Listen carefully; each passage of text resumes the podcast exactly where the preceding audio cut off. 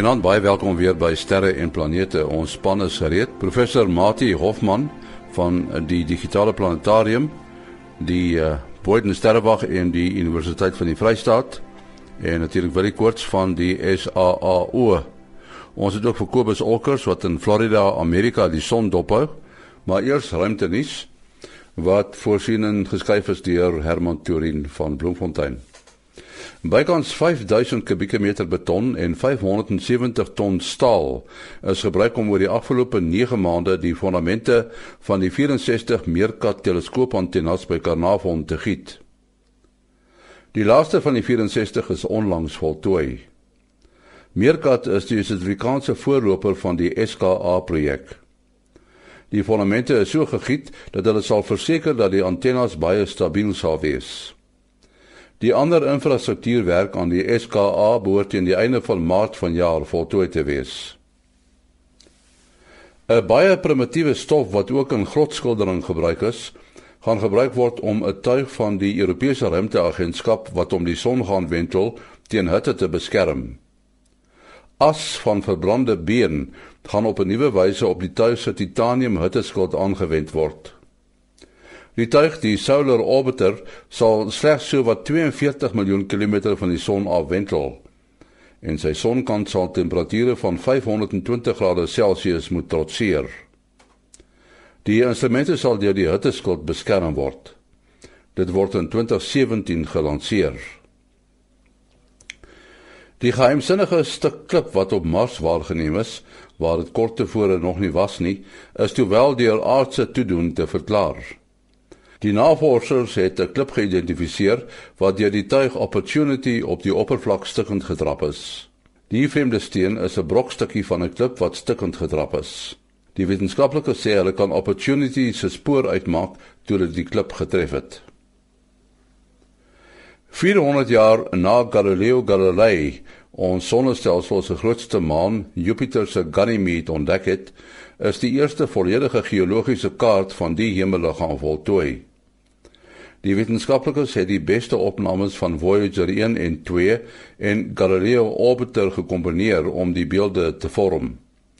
Dit word deur die US Geological Survey onderskryf. Tot sover ruimte nie staan. Jacobus Olkers in Florida, Amerika is weer op sy pos om vir ons te vertel wat die gedrag van die son is. Kobus. Ja, goeienaand en goeienaand luisteraars. Ja, ons het uh, weer 'n besigere geson hierdie week, maar daarom nou nie so erg soos verlede week nie. Uh daar het vroeër hierdie week het daar 'n redelike groot vakkels op die westelike uh ehm uh, uh kant van die son uitgekom wat gelukkig nou natuurlik nie in ons koers skiet nie. Hy skiet 90 grade weg van die aarde af, maar hy het nog steeds redelike groot radiosterings veroorsaak en ek dink ons amateur radiovriende was redelik bewus daarvan. Dis daarom nou oor en aan die aarde se kant van die son sit ons met ehm um, drie uh onstabiele areas, magneties onstabiele areas wat al drie potensiaal het om M-klas vakkels te gee. Met ander woorde, dit kan vir ons 'n bietjie geraas veroorsaak, maar dit gaan nie vir ons regtig ongerief veroorsaak met enige van ons dienste nie. Ehm um, ons sal dalk 'n bietjie geraas op die fone kry en ons sal dalk 'n bietjie geraas op die op die radio kry, maar en op die televisie maar verder nie eintlik iets nie daar is ook 'n redelike groot so van die son se ewenaar af so skuins na links toe en hy is omtrent nou net mooi reg uh hy wys so reg na die aarde se kant toe. Hy is uh, hy's massief, hy's absoluut massief. Dis die een van die grootstes wat ek nog gesien het in 'n lang tyd. En as hy natuurlik platval, dan kan ons verseker uh versteurings verwag in in ons magnetiese veld wat dan vir ons uh GPS en selfoon en internetversteurings kan gee, maar nou ja, daar's so so 50-50 kans dat hy kan platval en 50-50 nie. En dan laastens het ons 'n kleinerige korona gaatjie wat nou enige dag sal ehm um, geo-effektief raak, so binne die volgende dag of 2. Hy is baie klein, die spoed van die sonwind uit hom uit is is, is baie stadig. So ons gaan ook geen magnetiese versteurings van hom afkry nie en die enigste mense wat daar probleme het is die is die professionele satelliet uh, kontakmakers en die soort van mense. Goedkoop as jy besonderhede? Dit is uh Kobus Olkers met 'n K by gmail.com. Dis kobusolkers by gmail.com. Ja, ons sê dankie aan Kobus Olkers, ons sonkelkman daar in Florida, Amerika. Nou ja, ons het weer hier by die uh, mikrofoon het ons vir Willie Koorts van die SAAO daar in die Kaap. Hallo Willie. Goeienaand. En Mati Hofman kuier 'n bietjie in Pretoria hier in ons ateljee in Pretoria. Hallo Mati. Naand en nie. Uh ons wil 'n bietjie gesels oor die dinge wat 'n mens nou gaan kyk om 'n bietjie meer te weet te kom en daar's nou een plek en dit is nie noodwendig 'n biblioteek nie. Dit is uh dis natuurlik die internet en uh, dit is 'n geweldige kragtige platform wat 'n mens kan gebruik. En Mati, ek wil net 'n bietjie laat ons praat oor die goed wat mense na kan gaan kyk om meer inligting die die een is daai uh, Universe Today is nog een wat ons na kyk, nê. Nee. universetoday.com uh, is baie gerieflik om te kyk na die nuutste ontdekkings en uh, byvoorbeeld die lanserings na van na van van satelliete die ruimte in of dit nou diep ruimte is en of dit nou om die aarde is of ontdekkings in die sterrekunde wat ek nou ook al nogal geniet en uh, baie gebruikersvriendelik is is ehm um, heavens koppelteken above.com net soos wat jy hom sê maar net met 'n koppelteken heavens koppelteken above.com uh, dit is nou weer gerieflik om te gaan kyk na wat se satelliete oor jou uh, omgewing vlieg. Uh, die moeilikste ding daar is net om jou lengte en breedtegraad uh, vir die webwerf uh, te gee. Hmm. Maar daar's 'n groot verskeidenheid ander uh uh iets wat ek nou nogal nie ontdek het is universe.com. Amper soos universe te kom, maar as mens nou dink aan 'n uh, dieretuin Zuni. Ja, dieretuin. Ja, ja, mens spel dit Z O O N I en dan verse.com. Hmm. Uh nou universe.com uh is nou veral vir ouens wat kos sê nou maar die ernstige amateur wetenskaplike, nie net amateur sterrekundige nie maar amateur uh, wetenskaplike en jy kan 'n bydrae gaan maak. Nou alle wetenskaplik uh, vandag word enorme volumes data uh, gegenereer. En die professionele wetenskaplikes het net nie genoeg tyd om deur al hierdie data in 'n klein uh, in 'n redelike tyd te sif nie. En dit is nou waar hulle graag wil gebruik maak van uh entoesiastiese amateurs wat wel ten minste uh, die ingesteldheid om akkuraat te kan werk. Kom ons noem 'n voorbeeld, maar daar's 'n hele klomp voorbeelde wat ek kan doen. Daar daar's miljoene foto's van sterrestelsels geneem. En die sterrestelsels uh as jy na die foto's kyk kan hulle geklassifiseer word in die kategorie of daai kategorie. En as dit nou gedoen word met genoeg sterrestelsels kan jy beter begrip van die groter heelal kry en uh, dis nou waar uh, die ouens wat nou gefassineer word deur sterrestelsels uh, nou 'n bydrae kan gaan maak. Ehm um, ander mense is weer met die maan geplan hè, soos die die Lunar Reconnaissance Orbiter wat daar duisende fotos van die maan neem. En hierdie fotos moet ook geklassifiseer word. Het sy wat sien jy op die foto? Is daar kraters? Is daar rotse? En uiteindelik as uh, kan mens nou ook gaan kyk na veranderinge. As genoeg mense die detail van fotos beskryf het en so meer en hulle kyk later weer daarna, kan jy sien as daar dalk 'n verandering uh gekom het soos nou onlangs met Mars gebeur wat hulle weer 'n nuwe krater op Mars ontdek het uh omdat hulle gekyk het na fotos wat op verskillende tye ge, uh, uh geneem is.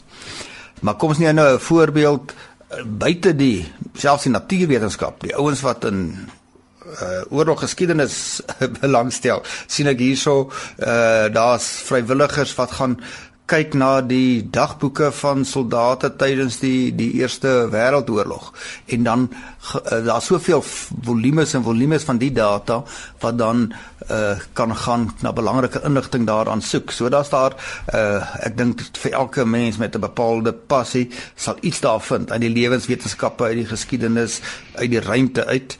Ehm uh, dis nou veral as jy voel jy wil jou passie gebruik om 'n bydrae te kan maak.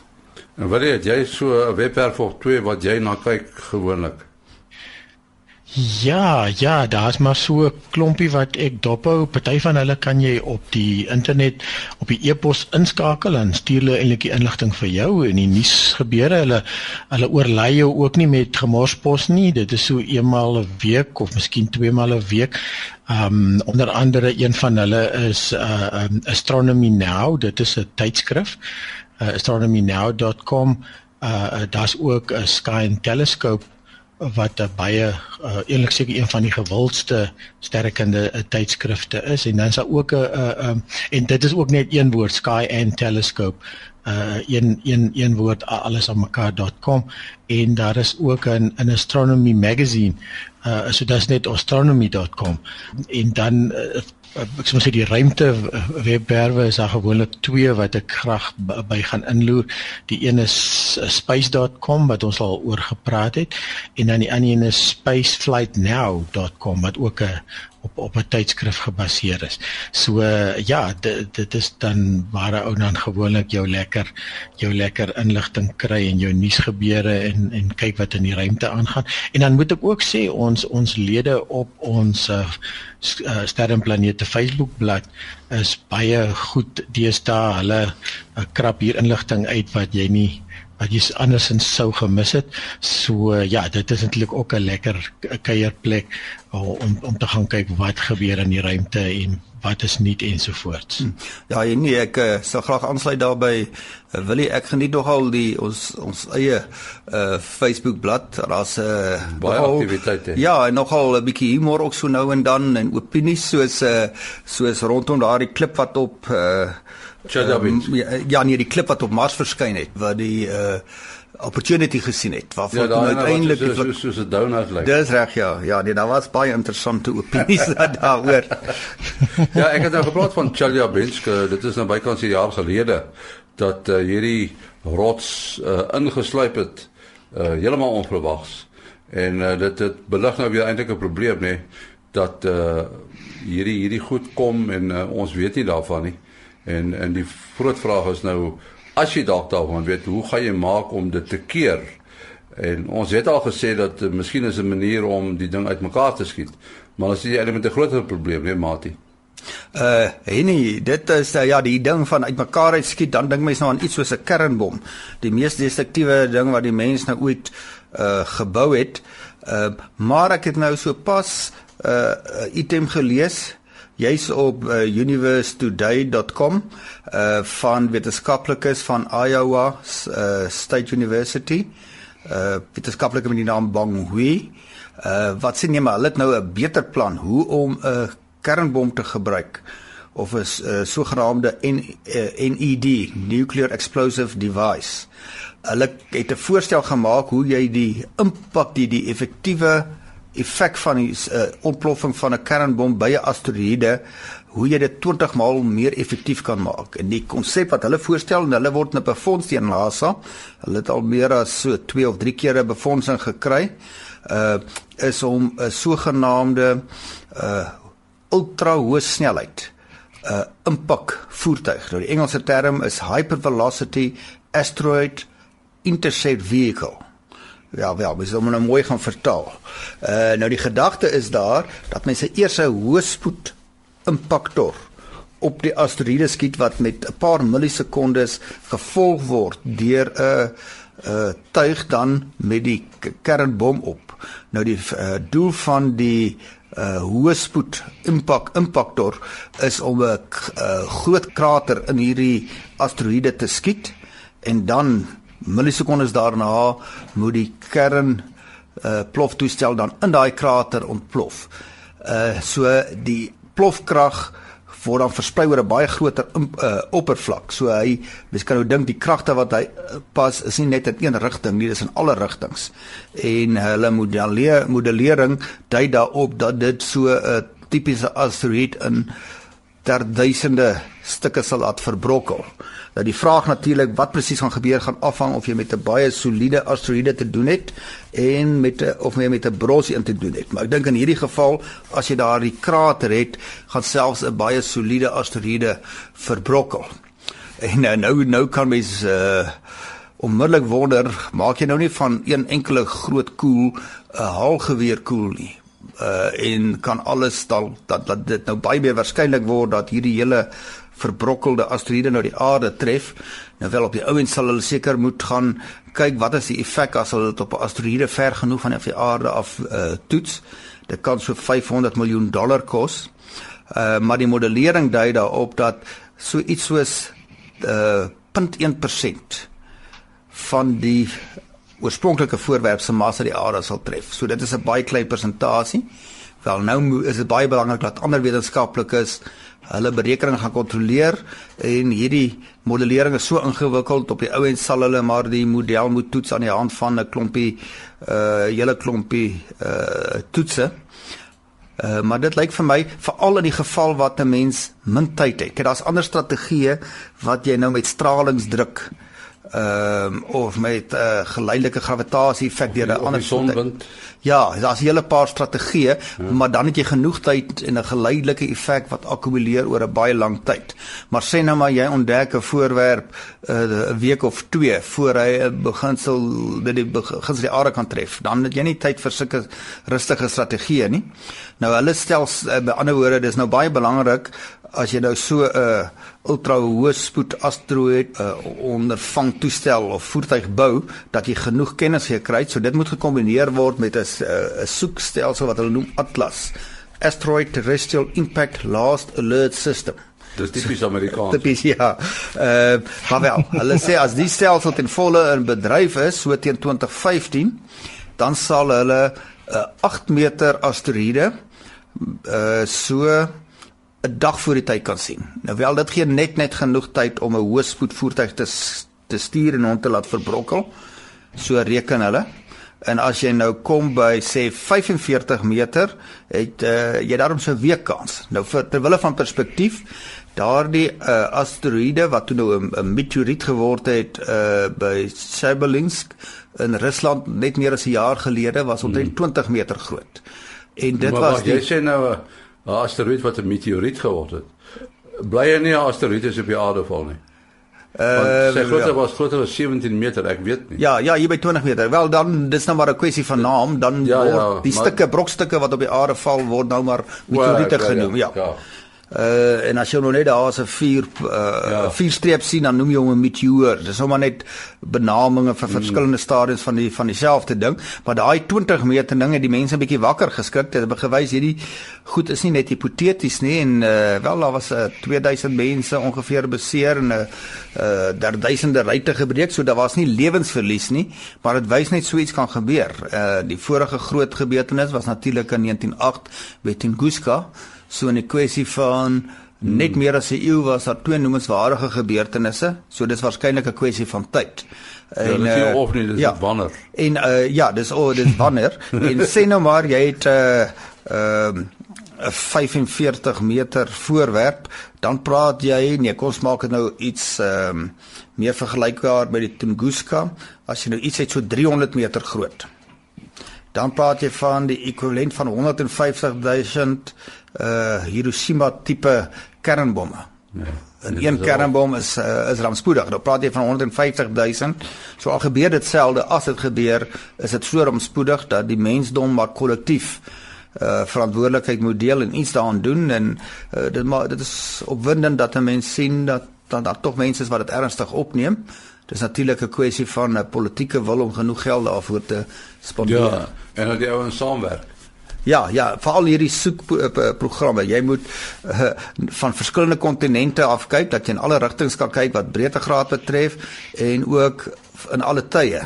En uh, hoe gouer jy 'n voorwerp ontdek, hoe beter tyd het jy om sy akkuraat die sy baan akkuraat te bepaal. Ja. So voor jy 'n uh, enorme koste aangaan, moet jy natuurlik baie seker maak of hy inderdaad 'n hoë risiko het om die aarde te tref. En vir my die grootste bekommernis is dit mag wees dat die, die voorwerp die aarde net net na die een kant toe sou mis en uh, jy dink hy gaan die aarde tref en jy deflekteer hom nou net in die verkeerde rigting nê.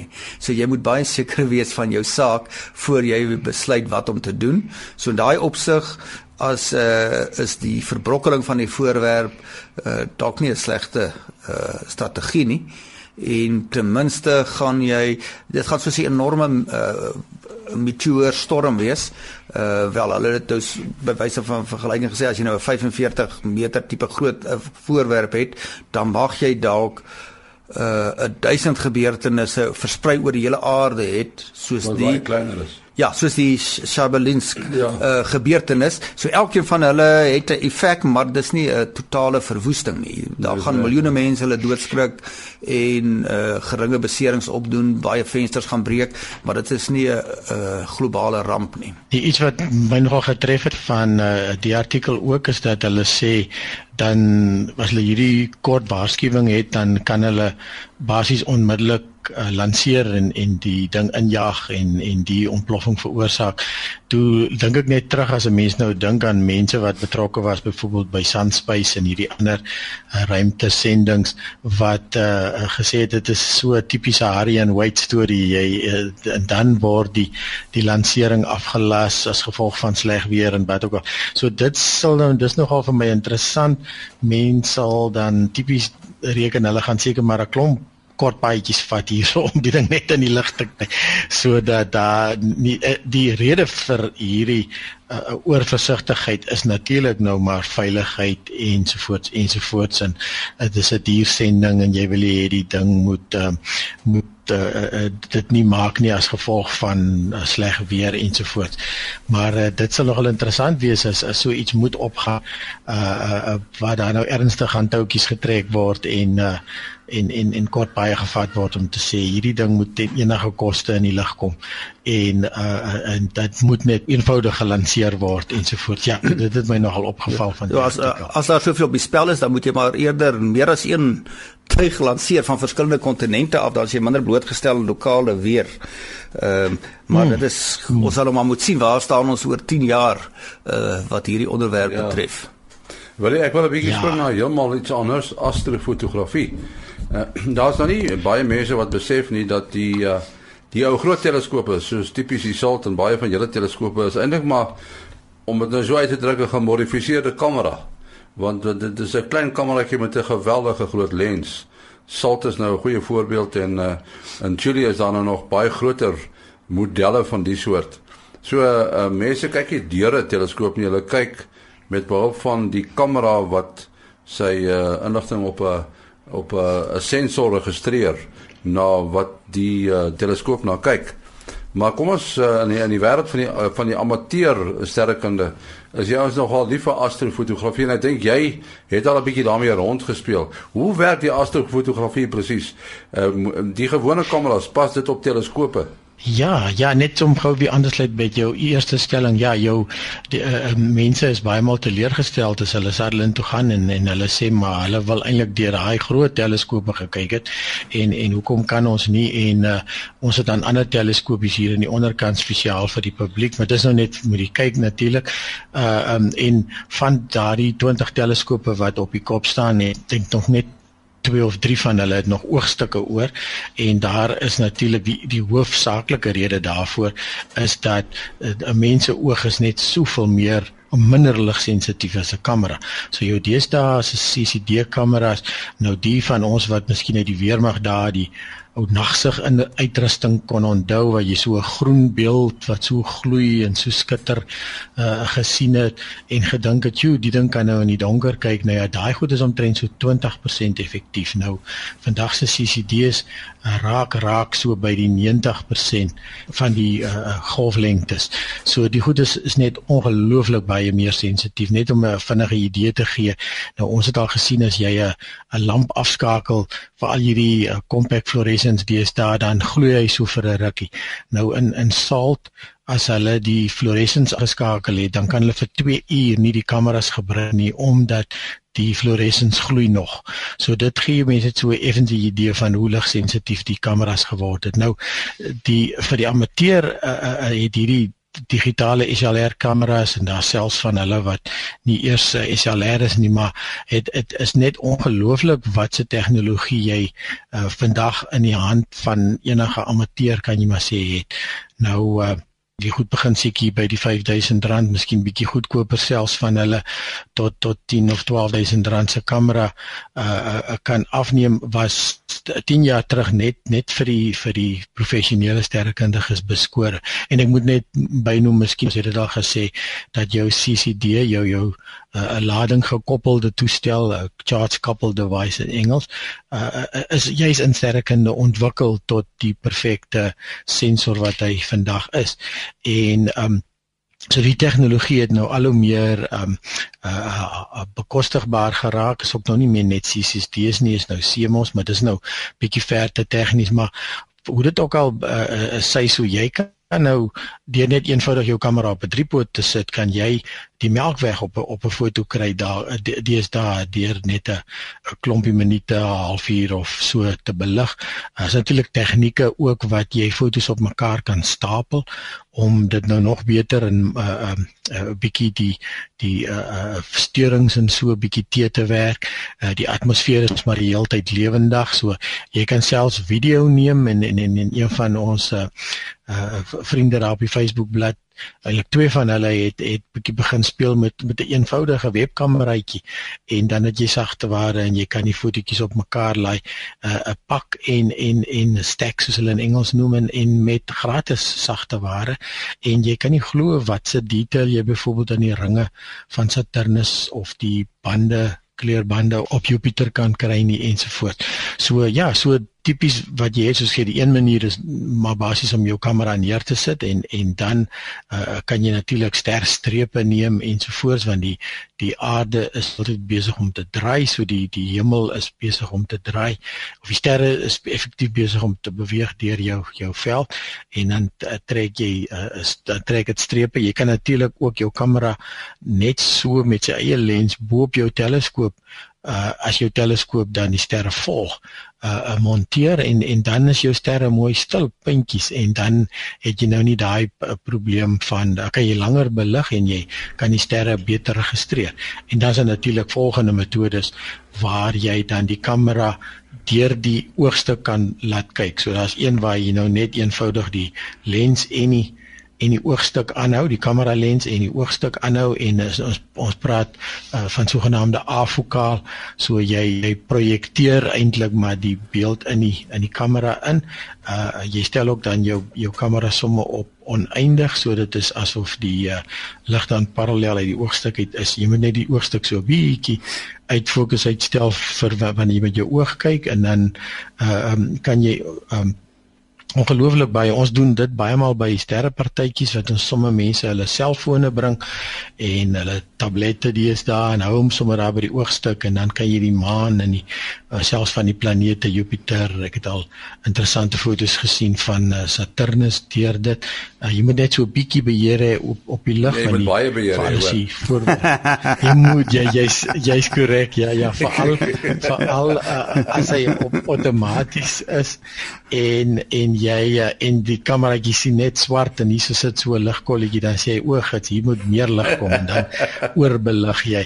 So dit da, ja, jy moet ten minste op 'n op 'n tipe van 'n handbeheer nie nie jy nie net op, op met 'n wynpas saam gekuier het nie, want dit is net dubbelsterre. Dit dit is gewoonlik die probleem en jy en jy en jy maar dit maar dit kry hom jou bewe so 'n bietjie onder beheer as jy nou net nie te ver gaan nie. Wil jy jou besonderhede ons moet afsluit, hoor. Ja, mense kan bel SMS of WhatsApp 0724579208. 0724579208. Uh 0836257154. 0836257154. En onthou as jy uh, vrae wil stel aan die die uh, span, jy kan dit doen deur aan my 'n uh, e-pos te stuur. Stuur aan my e-pos met die twee vrae, nie meer as twee vrae nie. Ek sal u dan skakel. U moet die telefoonnommer bysit. Dan sal ek u skakel en ons sal die vraag opneem. Uh u kan my e-pos na maas.henny@gmail.com. maas.henny@gmail.com. Volgende week praat ons weer. Mooi loop.